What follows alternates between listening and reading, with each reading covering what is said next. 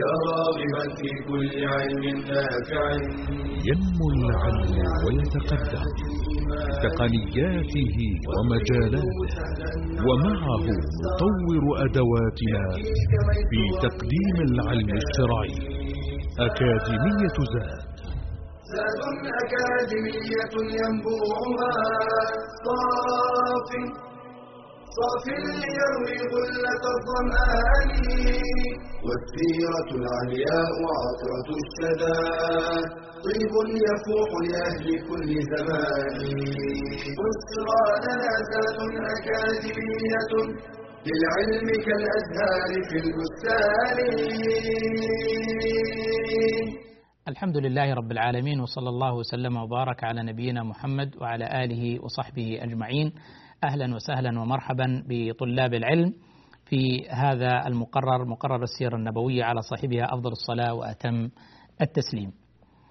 آه اليوم نتحدث عن غزوة أحد وما أدراك ما أحد كما أخبر النبي صلى الله عليه وسلم جبل نحبه ويحبنا وله تاريخ وله ذكرى. بعد غزوة بدر شعرت قريش بمرارة الهزيمة المؤلمة التي لحقت بها والخسارة العظيمة التي هزت مكانتها بين القبائل وفي المجتمع وشعرت بالقوة والشوكة لهذه الدعوة في صورتها الجديدة وفي مكانها الجديد في المدينة النبوية. ما زالت الغصص تتجرعها نتيجة ذلك الفقد الهائل والكبير سبعون من رجالاتهم كانوا يبكونهم من صناديدهم. حتى كان بعضهم يقول ما خير العيش بعد هؤلاء الذين ذهبوا؟ بل أنهم من الأشياء التي أقرروها أنهم منعوا البكاء على قتلاهم ووعدوا بالانتقام لهؤلاء القتلى. فاستعدوا لذلك ليغسلوا ذلك العار عار الهزيمة ولينتقموا لقتلاهم في بدر. فكان هذا سبب آه هذه الغزوة. آه ذهب صفوان بن أمية الذي قتل والده وعكرم بن أبي جهل الذي قتل والده وعبد الله بن ربيعة ذهبوا إلى أبي سفيان بن حرب يطلبون أموال القافلة. القافلة تلك التي كانت سببا لحدوث غزوة بدر وذهب ضحيتها ذلك العدد من القتلى والأسرى والفداء يجب أن تنفق أموالها لإعداد للمعركة الجديدة للانتقام وأخذ الثأر ووافق أبو سفيان على ذلك وكان ربح القافلة ما يقارب خمسين ألف دينار.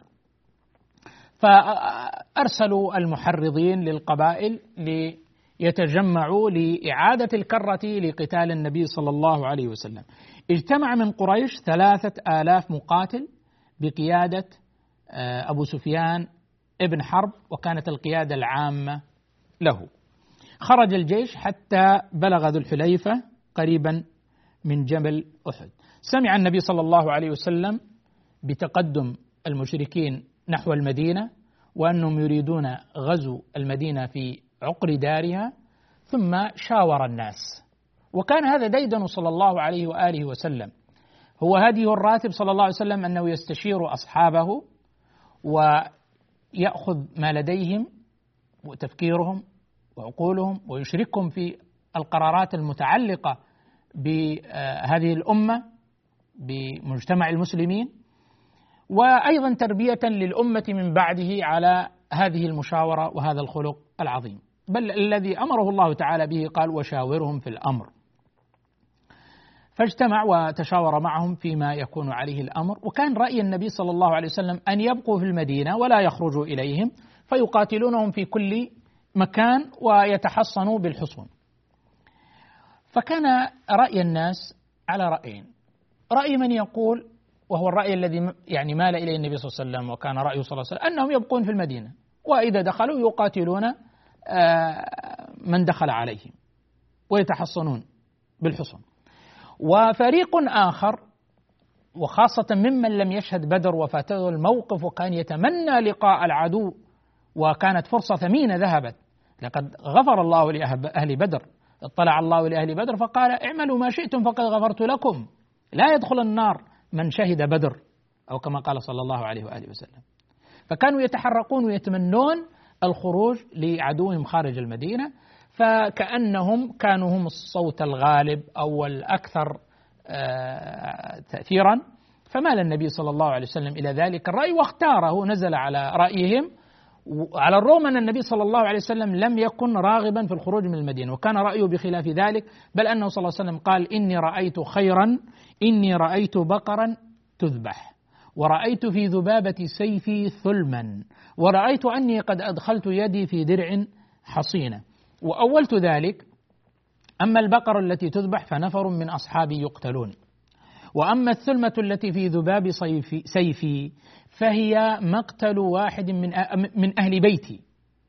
وأما الدرع الحصينة فإنها المدينة. لكن لأمر أراده الله تبارك وتعالى الذي يدبر الكون كله أراد الله عز وجل أن تقع هذه الأمور. فإذا عزمت فتوكل على الله. لبس النبي صلى الله عليه وسلم لأمته وظاهر بين درعين وهذا من باب الأخذ بالأسباب. النبي صلى الله عليه وسلم سيد المتوكلين. ومع ذلك كان يأخذ بالأسباب فوضع درعين ظاهر بينهما أي درع فوق درع صلى الله عليه وسلم. ولبس المغفر صلى الله عليه وآله وسلم. فلما رأى بعض الصحابة المتحمسين ما فعله النبي صلى الله عليه وسلم قالوا والله لعلنا استكرهنا رسول الله صلى الله عليه وسلم. يعني كأننا يعني مارسنا نوع من الضغط لمثل هذا الرأي الذي مال ووافقنا عليه. فقالوا يا رسول الله لعلنا استكرهناك استكرهناك فنبقى في المدينة قال ما كان لنبي إذا لبس لأمته أن يضعها حتى يفرق الله بينه وبين عدوه وحتى يحكم الله بينه وبين عدوه. فإذا عزمت فتوكل على الله. ما في داعي لعملية التردد وتقلب الآراء و آه، يعني في في وسط الأزمات. فعزم النبي صلى الله عليه وسلم على ذلك ولبس أداة الحرب فخرج من المدينة ألف رجل. ألف رجل. وخرجوا إلى أحد ليقاتلوا المشركين. لما وصلوا إلى أحد انسحب رأس المنافقين عبد الله بن أبي بن أبي سلول بثلث الجيش. بثلث الجيش. طيب لماذا لم ينسحب مبكرا؟ ويقول إن محمدا لم يطاوعني ولم يأخذ برأيي وإنما أخذ ترك رأيي وأخذ رأي الباب هذا لا يقوله إنسان مسلم يؤمن أن هذا النبي الكريم هو نبي مرسل من عند الله عز وجل. ما كان لمؤمن ولا مؤمنة إذا قضى الله ورسوله أمرا أن يكون لهم الخيرة من أمرهم. ما لك اختيار يا أخي؟ إذا اختار الله ما لك اختيار؟ إذا اختار الرسول صلى الله عليه وسلم ما لك اختيار؟ لا تقدم بين يدي الله ورسوله.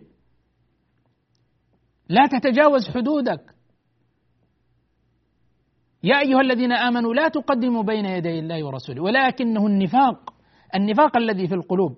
انصرف في المعركة في ميدان المعركة ليكون ذلك فتا في الأعضاد وتقليلا وتخفيضا للروح المعنوية وبثا للفرقة والنزاع بين المؤمنين والتثبيط لهم وأيضا تقوية للكافرين وتقويه لشوكتهم. أن يروا هذا الانسحاب. انسحب بثلث الجيش. وكان عبد الله بن حرام والد جابر بن عبد الله رضي الله عنه يتبعهم. تعالوا قاتلوا أو ادفعوا. قاتلوا في سبيل الله أو ادفعوا. يا تقاتلوا معنا يا تدافعوا.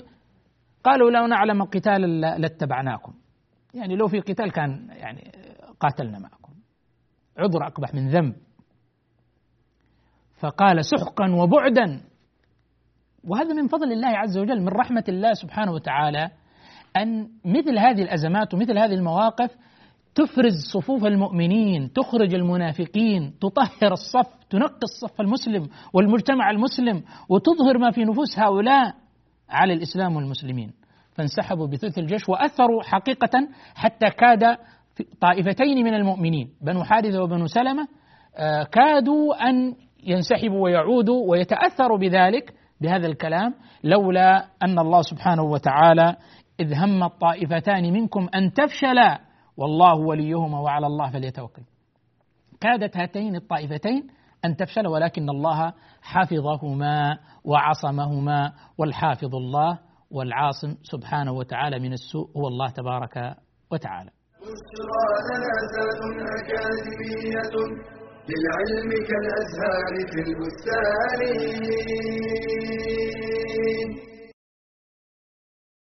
حرص الإسلام على زرع المحبة والود بين المسلمين وعلى اقتلاع أسباب التباغض والشحناء من بينهم. ومن المعاملات التي تورث التباغض بين المسلمين بيع المسلم على بيع أخيه أو شراؤه على شراء أخيه. لذلك نهى عنها الرسول صلى الله عليه وسلم فقال لا يبع بعضكم على بيع أخيه والشراء مثل البيع فيحرم شراء المسلم على شراء أخيه. ومثال البيع على البيع اشترى زيد من عمرو سيارة بعشرة آلاف فذهب رجل إلى زيد وقال له أنا أعطيك مثلها بتسعة أو أعطيك أحسن منها بعشرة أو أبيعك مثلها بعشرة فهذا بيع على بيع المسلم لا يحل. مثال الشراء على الشراء باع زيد لعمر سلعة بتسعة فجاء آخر وقال للبائع بعتها على فلان بتسعة. قال نعم. قال أنا أعطيك فيها عشرة. أو بعها لي أنا بتسعة ودعك منه.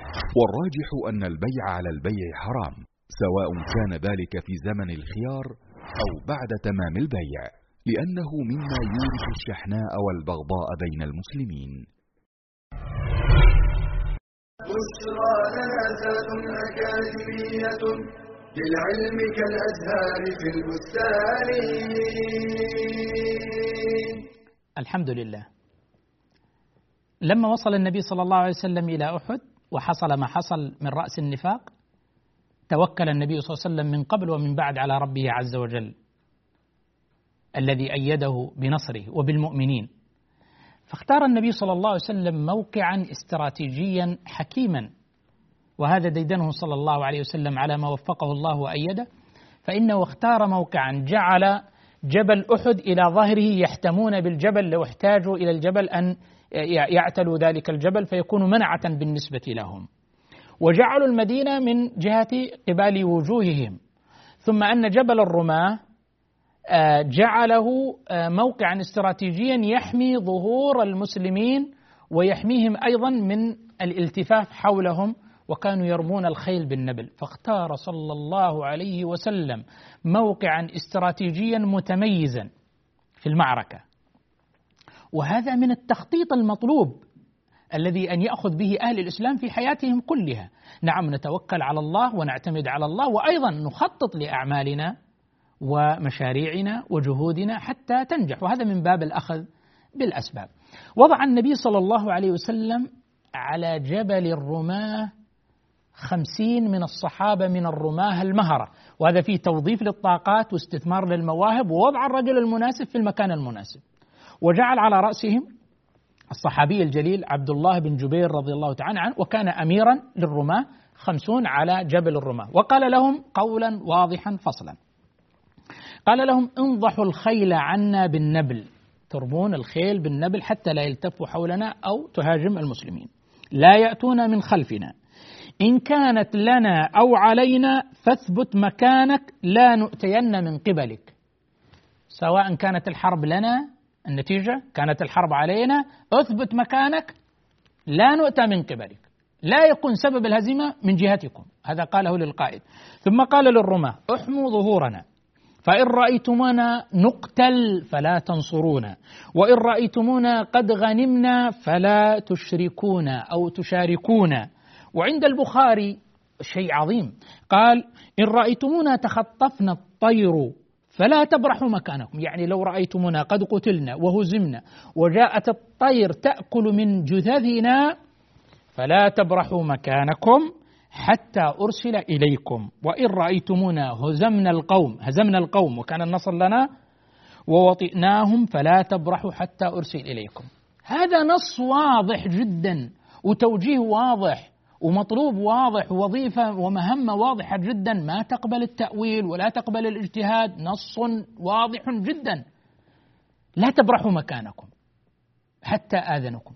إن رأيتمونا هزمنا فلا تنصرونا. ولو رأيتم تخطفنا الطير. وإن رأيتمونا انتصرنا وغنمنا ووطأنا القوم فلا تشاركونا المغنم حتى آذنكم. هذا توجيه واضح. واندلعت المعركة. وكان النصر المبين لصحابة للنبي صلى الله عليه وسلم وأصحابه في أول الأمر كان أمرا عظيما وكانت مقتلة كبيرة في آه، المشركين ونصرا عظيما للمؤمنين ولرسوله صلى الله عليه وسلم. قاتل في هذه المعركة حمزة بن عبد المطلب عم النبي صلى الله عليه وسلم أسد الإسلام وأسد رسوله صلى الله عليه وسلم. وكان له مثل ريش النعام على صدره رضي الله تعالى عنه وكان يقاتل قتال الأبطال وكان يهد الناس هدا. مثل الموج كان يكتسح الناس ببطولته وشجاعته رضي الله تعالى عنه. وكان المطعم بن وكان جبير بن مطعم قد وعد آه، أحد الغلمان وهو وحشي وأيضا آه، هند بنت عتبة وعدوه أنه إن قتل حمزة بن عبد المطلب أنه يعتق. يعني مهمة واضح حتى أنه قال يعني لم يكن لي يعني شأن إلا هذا الأمر. فلما وصل إلى المعركة ورأى حمزة مثل الموج يكتسح الناس ويهدهم هدا بسيفه وسلاحه وقوته وشجاعته كمن له خلف صخرة حتى يعني لم يقتل مواجهة رضي الله تعالى وإنما آه، قتل غدرا وليس مواجهة. فلما قال رأيته هززت حربتي حتى تمكنت منها وكان راميا.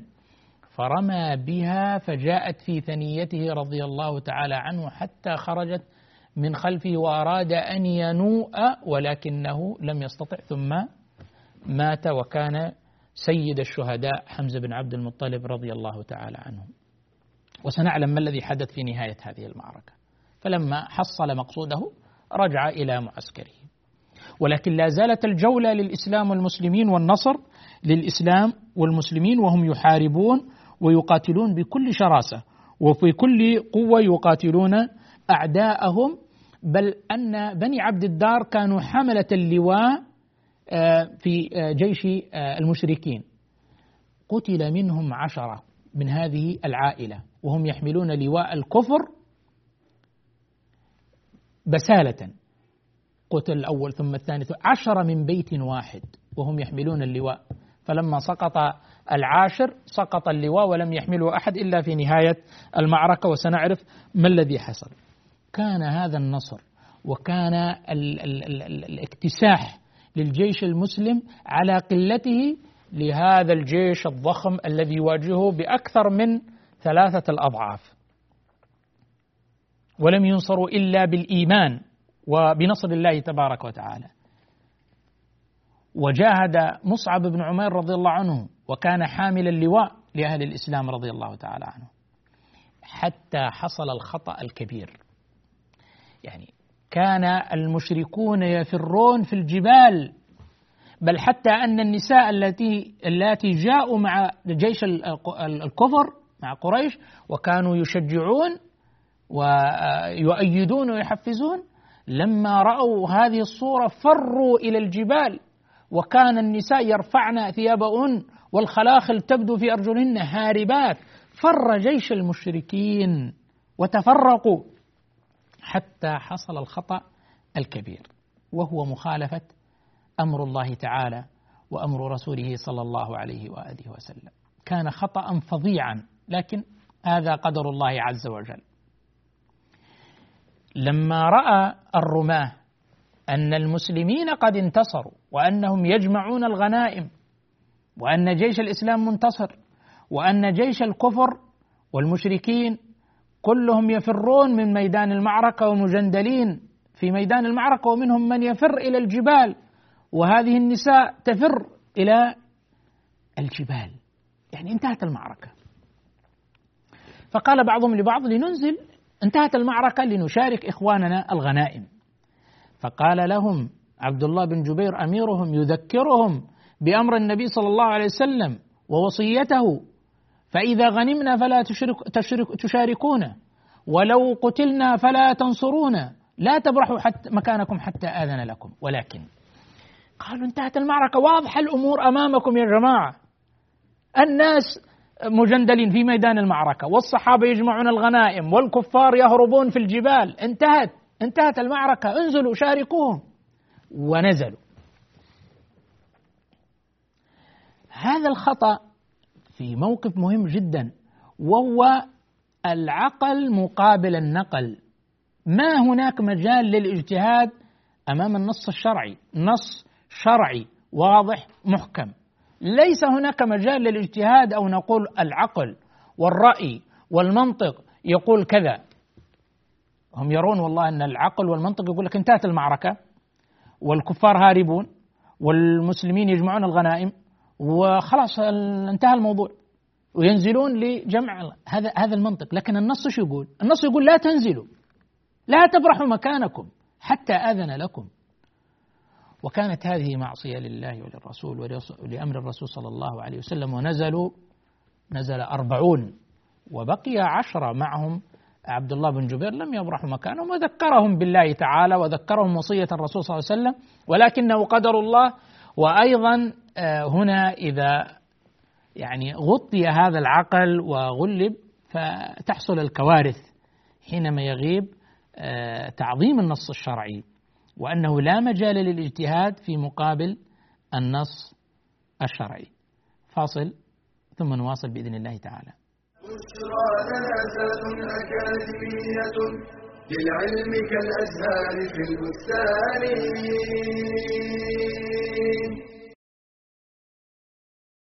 قد خلت من قبلكم سنن فسيروا في الأرض فانظروا كيف كان عاقبة المكذبين. التاريخ مخزن العبر ومعلم الأمم. فيه أخبار السابقين الأول وأسباب التمكين وزوال الدول. من اعتبر بدروسه نجا ومن تعامى عن حوادثه هوى. وقد عني القرآن بذكر الكثير من القصص والتنويع في أحداثها لتوجيه الأنظار إلى الاعتبار بأحوال الأمم في كفرهم وإيمانهم وشقاوتهم وسعادتهم. فلا شيء يهدي الإنسان كالمثولات والوقائع. قال تعالى فاقصص القصص لعلهم يتفكرون. ومن هنا ينجلي للعاقل أهمية العلم بالتاريخ وعلو شأنه.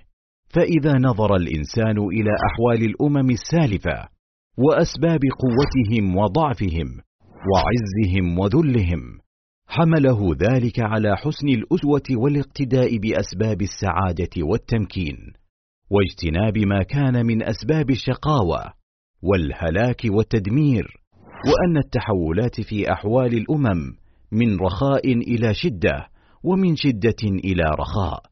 إنما هو من جراء أعمال العباد. قال الله تعالى إن الله لا يغير ما بقوم حتى يغيروا ما بأنفسهم. فمن فوائد وثمرات دراسة التاريخ الإحاطة بالتطبيق العملي للإسلام وذلك من خلال السيرة النبوية. العلم بأن الأمة مكلفة بهدف عظيم وهو عمارة الأرض بمنهج الله تعالى. العلم بأعداء الأمة والعلم بطبيعة الصراع بين الحق والباطل. فهم الحاضر لأن الحاضر جزء من الماضي فمن لم يعتبر بماضيه لن ينتفع بحاضره. إدراك سنن الله تعالى في هذا الكون وأنها لا تحابي أحدا. قال تعالى فهل ينظرون إلا سنة الأولين؟ فلن تجد لسنة الله تبديلا. ولن تجد لسنة الله تحويلا. بشرى لنا أكاديمية للعلم كالأزهار في البستان. الحمد لله. كانت الغلطة الكبرى التي غيرت ميزان المعركة معصية الرسول صلى الله عليه وآله وسلم. نعم يهزم الجيش ولو كان فيه الرسول صلى الله عليه وسلم حين تحصل المعصية. كان هذا درسا قاسيا للأمة لكنها انتفعت به انتفع به المسلمون. هذا الدرس القاسي العظيم. لما نزل الرماة وارتكبوا الخطأ ومعصية الرسول التفت رضي التفت خالد بن الوليد وكان على الكهر في ذلك الوقت التفت إلى نزول الرماة فعلى الجبل وقتل من كان على الجبل ثم وقع المسلمون بين فكي كماشة وتصايح الناس. من هنا وعاد الناس الذين فروا إلى الجبل. فوقع الجيش المسلم بقيادة النبي صلى الله عليه وسلم بين فكي كماشة. من جهة جبل الرماة ومن جهة من جهة أحد واختلط الحابل بالنابل وعمت الفوضى وقتل من قتل من الصحابة رضي الله تعالى عنه ورموهم بالنبل وغارت عليهم الخيل. ولما رأوا أن ميزان المعركة قد تغير قامت امرأة من بني عبد الداء أو امرأة وقامت ورفعت اللواء مرة أخرى وحملوه واجتمع الناس مرة أخرى فقد تغير ميزان المعركة. اختلط الحابل بالنابل آه، وقع في المسلمين آه، قتل شديد قتل حار قتل مصعب كان حامل اللواء قطعت يمينه ثم أمسك اللواء بيساره فقطعت يساره ثم ضم اللواء واحتضنه ثم ضرب رضي الله تعالى عنه حتى سقط صريعا شهيدا رضي الله تعالى عنه وأرضاه. ووقتل ووقع قتل كثير في المسلمين حتى أشيع مقتل النبي صلى الله عليه وآله وسلم. وهنا يعني دخل على المسلمين حزن شديد جدا بهذا الخبر لأن الشائعات والأمور التي تفت في المعنويات تؤثر تؤثر. فقال أشيع قتل رسول الله صلى الله عليه وسلم. فمر أنس بن النضر رضي الله تعالى عنه وكان من أبطال المسلمين. مر على قوم قد ألقوا سيوفهم. ماذا تفعلون؟ قالوا قتل رسول الله. قال فما تصنعون؟ قوموا فموتوا على ما مات عليه صلى الله عليه وسلم. والله لا عذر لكم أن يخلص إلى رسول الله وفيكم عين تطرف. قوموا فموتوا على ما مات عليه. إيش عذركم أمام الله سبحانه وتعالى؟ تتركه؟ وما محمد إلا رسول قد خلت من قبله الرسل. أفإن مات أو قتل انقلبتم على أعقابكم ومن ينقلب على عقبيه فلن يضر الله شيئا وسيجزي الله الشاكرين. فكان محفزا ومشجعا للناس أن يقوموا، أما النبي صلى الله عليه وسلم فجالد جدال الأبطال حتى كان الصحابة رضي الله عنه يقول رضي الله عنهم يقولون كانوا إذا حمي الوطيس ومنهم علي بطل الأبطال كان يقول إذا حمي الوطيس تترسنا برسول الله صلى الله عليه وآله وسلم، يعني جعلناه في المقدمة مثل الترس. وكان صلى الله عليه وسلم قائدا بطلا أشجع الناس صلى الله عليه وآله وسلم. ولكنه نظرا لهذه الكثافة وهذه الكثرة وهذه السهام كان الصحابة يعني يحيطون برسول الله صلى الله عليه وسلم. قام طلحة وسعد بن أبي وقاص يحيطون ويحاولون أن يحمونه صلى الله عليه وسلم من النبل. وكان بعض النبل يقع في ظهر آه، طلحة رضي الله عنه حتى قال النبي صلى الله عليه وسلم أوجب طلحة. و آه، يعني مد يده ليصد سهما لئلا يصيب النبي صلى الله عليه وسلم فشلت يده. رضي الله تعالى عنه وأرضاه قال النبي صلى الله عليه وسلم أوجب طلحة أي وجبت له الجنة ويقول لسعد ارمي فداك أبي وأمي يأخذ الكنانة وينثرها ويرمي سعد رضي الله تعالى عنه وكان راميا. النبي صلى الله عليه وسلم تعرض لهجوم كاسح آه، لأنهم كانوا يريدون شخص النبي صلى الله عليه وسلم لأنه هو القاء هي القيادة العسكرية والعلمية والإيمانية والروحية لهذه الأمة فكانوا يتقصدونه صلى الله عليه وآله وسلم. ضرب صلى الله عليه وسلم بالسيف على عاتقه حتى اشتكى منها شهرا، كان عليه الدرع الواقع ولكنه تأثر بهذه الضربة، كان يشتكي منها شهرا، وضرب بالسيف على وجنتيه صلى الله عليه وسلم بقوة السيف وكان حديد المغفر حاميا لوجهه الشريف صلى الله عليه وسلم ودخلت حلق المغفر في وجهه الشريف عليه الصلاة والسلام. وكسرت رباعيته صلى الله عليه وسلم وشج جبينه في, في, في وجهه صلى الله عليه وسلم وكلمت شفته السفلى وتعرض للإيذاء بل أنه من شدة الفوضى وعنف الهجوم عليه صلى الله عليه وسلم سقط في إحدى الحفر التي حفرها أبو عامر الفاسق سقط فيها وامتحشت ركبته صلى الله عليه وسلم وسال الدم منه صلى الله عليه وسلم وأوذي أيما إيذاء ولكنه كان صابرا محتسبا. وهل أنت إلا إصبع دميت وفي سبيل الله ما لقيت؟ كان محتسبا أجره عند الله عز وجل ويقاتل كأبطل الأبطال وأشجع الشجعان صلى الله عليه وسلم. فلما رأوا أن النبي صلى الله عليه وسلم آه، جمع اجتمع الناس وعرف النبي صلى الله عليه وسلم أنه لا زال حيا ارتفعت معنوياتهم. وقال النبي صلى الله عليه وسلم انظروا إلى سعد بن الربيع فوجدوه متشحطا في دمه رضي الله تعالى عنه. وقالوا يقرئك النبي صلى الله عليه وسلم السلام ويقول كيف أنت يا فقال إنه من أهل الآخرة. وأقرئ أقرئ النبي صلى الله عليه وسلم مني السلام وقولوا له جزاك الله عنا خير ما جزى نبيا عن أمته. وأبلغ إخواني وأهل الأنصار السلام وقل لهم لا عذر لكم عند الله إن خلص إلى رسول الله صلى الله عليه وسلم وفيكم عين تطرف. انظر إلى هذا الهم وحمل الهم والنصرة حتى في مثل هذا الموطن وهو يفارق الحياة آه، شهيدا عند الله تبارك وتعالى. آه، جمع النبي صلى الله عليه وسلم الناس واجتمعوا حوله يا عباد الله ها أنا رسول الله فيئوا إليه فاجتمعوا إليه صلى الله عليه وسلم ثم دبر لهم بطريقته وذكائه صلى الله عليه وسلم آه، انسحابا تكتيكيا واحتموا بالجبل احتموا بالجبل. فصعدوا إلى الجبل ليحتمون من آه، ذلك الهجوم وفيهم الجراح وفيهم آه، القتلى. وحتى أراد النبي صلى الله عليه وسلم أن يصعد صخرة فما استطاع فنزل طلحة ورفع النبي صلى الله عليه وسلم وحمله على عاتقه حتى صعد به على الجبل. وأرادت آه، آه، خيل لخالد بن الوليد آه، أن تصعد إلى الجبل. فقال اللهم لا يعلون. وجالد المسلمون حتى أنزلوهم حتى لا يصلوا إلى ذلك الجبل. فلما رأى المشركون ما دالت إليه الأمور ورأوا أنهم يعني قد تحور الأمر وتحول إلى نصر بالنسبة لهم بدأوا في عملية الانسحاب والخروج من المعركة لأنهم لم يكونوا يصدقون أن يحدث ما حدث. أبو سفيان في ختام المعركة يرفع صوته أفيكم محمد؟ لم يجيبه أحد. أفيكم ابن أبي قحافة؟ يقصد أبو بكر لم يجيبه أحد. أفيكم عمر؟ لم يجيبه أحد. قال أما إذا فقدتم هؤلاء فقد كفيتم انتهوا إذا ما في هؤلاء خلاص انتهيتم فعمر لم يتمالك نفسه. قال لقد أبقاهم الله وأخزاك الله يا عدو الله. فقال آه، أبو سفيان آه، أعلو هبل أعلو هبل. يعني وهو إله صنم من أصنام. فقال النبي صلى الله عليه وسلم ألا تجيبه؟ قالوا كم قال الله أعلى وأجل. الله أعلى وأجل. وأخذ أبو سفيان يهتف بهذه الأمور. قال لنا العزة ولا عزة لكم. قال أجيبوه النبي صلى الله عليه وسلم. أجيبوه. قالوا ماذا نقول؟ الله مولانا ولا مولى لكم. شتان. قال أبو سفيان الحرب سجال يوم بيوم بدر والحرب سجال أنعم فعال.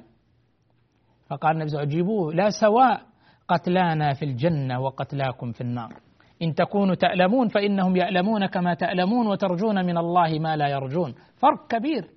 من يكلم ويقتل في سبيل الله إلى جنة عرضها السماوات والأرض إلى خير من هذه الدنيا ويتمنى أن يعود مرة أخرى فيقتل كما قتل. حمزة بن عبد المطلب سيد الشهداء لما رأت هند بنت عتبة ما حصل ذهب وبقى ووجدوا حمزة قد شوه. جاء النبي صلى الله عليه وسلم بعد أن انسحب الجيش رأى حمزة وقد شوه. قطع الآذان والأنف وقطعوهم ومثلوا بالجثث وبقروا بطنه وأخرجوا كبده لكنه الله سبحانه وتعالى يعني قدر ذلك الأمر الفظيع. ولما رأى النبي صلى الله عليه وسلم هذا المنظر بكى وأجهش بالبكاء وقال والله لأمثلن بسبعين منهم أو كما قال صلى الله عليه وسلم. فقال الله عز وجل ليس لك من الأمر شيء. ما رؤي النبي صلى الله عليه وسلم باكيا متأثرا كما رؤي ما حصل مع حمزة. مصعب بن عمير ذلك الشاب المنعم يقتل فلا يجدون ما يكفنونه به إلا آه، غطاء. إن غطوا رأسه بانت رجله وإن غطوا رجليه بان رأسه فغطى النبي صلى الله عليه وسلم رأسه وأمر أن يوضع على رجليه الإذخر نبات ومات شهيدا رضي الله تعالى عنه. جمعهم النبي صلى الله عليه وسلم في آخر المعركة ودعا ربه وأثنى على الله عز وجل وحمد الله سبحانه وتعالى على ما أولاهم من النعم واستغفر ربه سبحانه وتعالى وصلى على الشهداء ودعا لهم وقال أنه صلى الله عليه وسلم أنه شهيد لهم رضي الله تعالى عنهم وأرضاهم وأن الله قد رفع منازلهم إلى منازل الشهداء وعاد ذلك الجيش الجريح إلى المدينة فكانت نوادر الحب وكان خبرا فيه الحزن ولكن كل ذلك يخففه أن النبي صلى الله عليه وسلم ما زال حيا وأن أبطال الإسلام ما زالوا موجودين. خرجت المرأة تستقبل الناس. قالوا قتل زوجك. قالت رحمه الله ما صنع رسول الله. قال قتل أبوك. قالت رحمه الله ما صنع رسول الله. قتل أخوك قال ابنك ما صنع. فلما رأته قالت كل مصيبة بعدك جلل يا رسول الله. صلى الله عليه وآله وسلم. نعم. آه، انتقلوا الصحابة شهداء إلى الله سبحانه وتعالى وبقي هذا الإسلام عزيزا ورسول الإسلام عزيزا وإن تكونوا تألمون فإنهم يألمون كما تألمون وترجون من الله ما لا يرجون والله غفور رحيم وصلى الله وسلم وبارك على نبينا محمد وآله وصحبه أجمعين. تلك العلوم دروسها ميسورة. في صرح علم الراسخ الأركان. بشرى لنا بشرى لنا بشرى لنا ذات أكاديمية للعلم كالأزهار في البستان.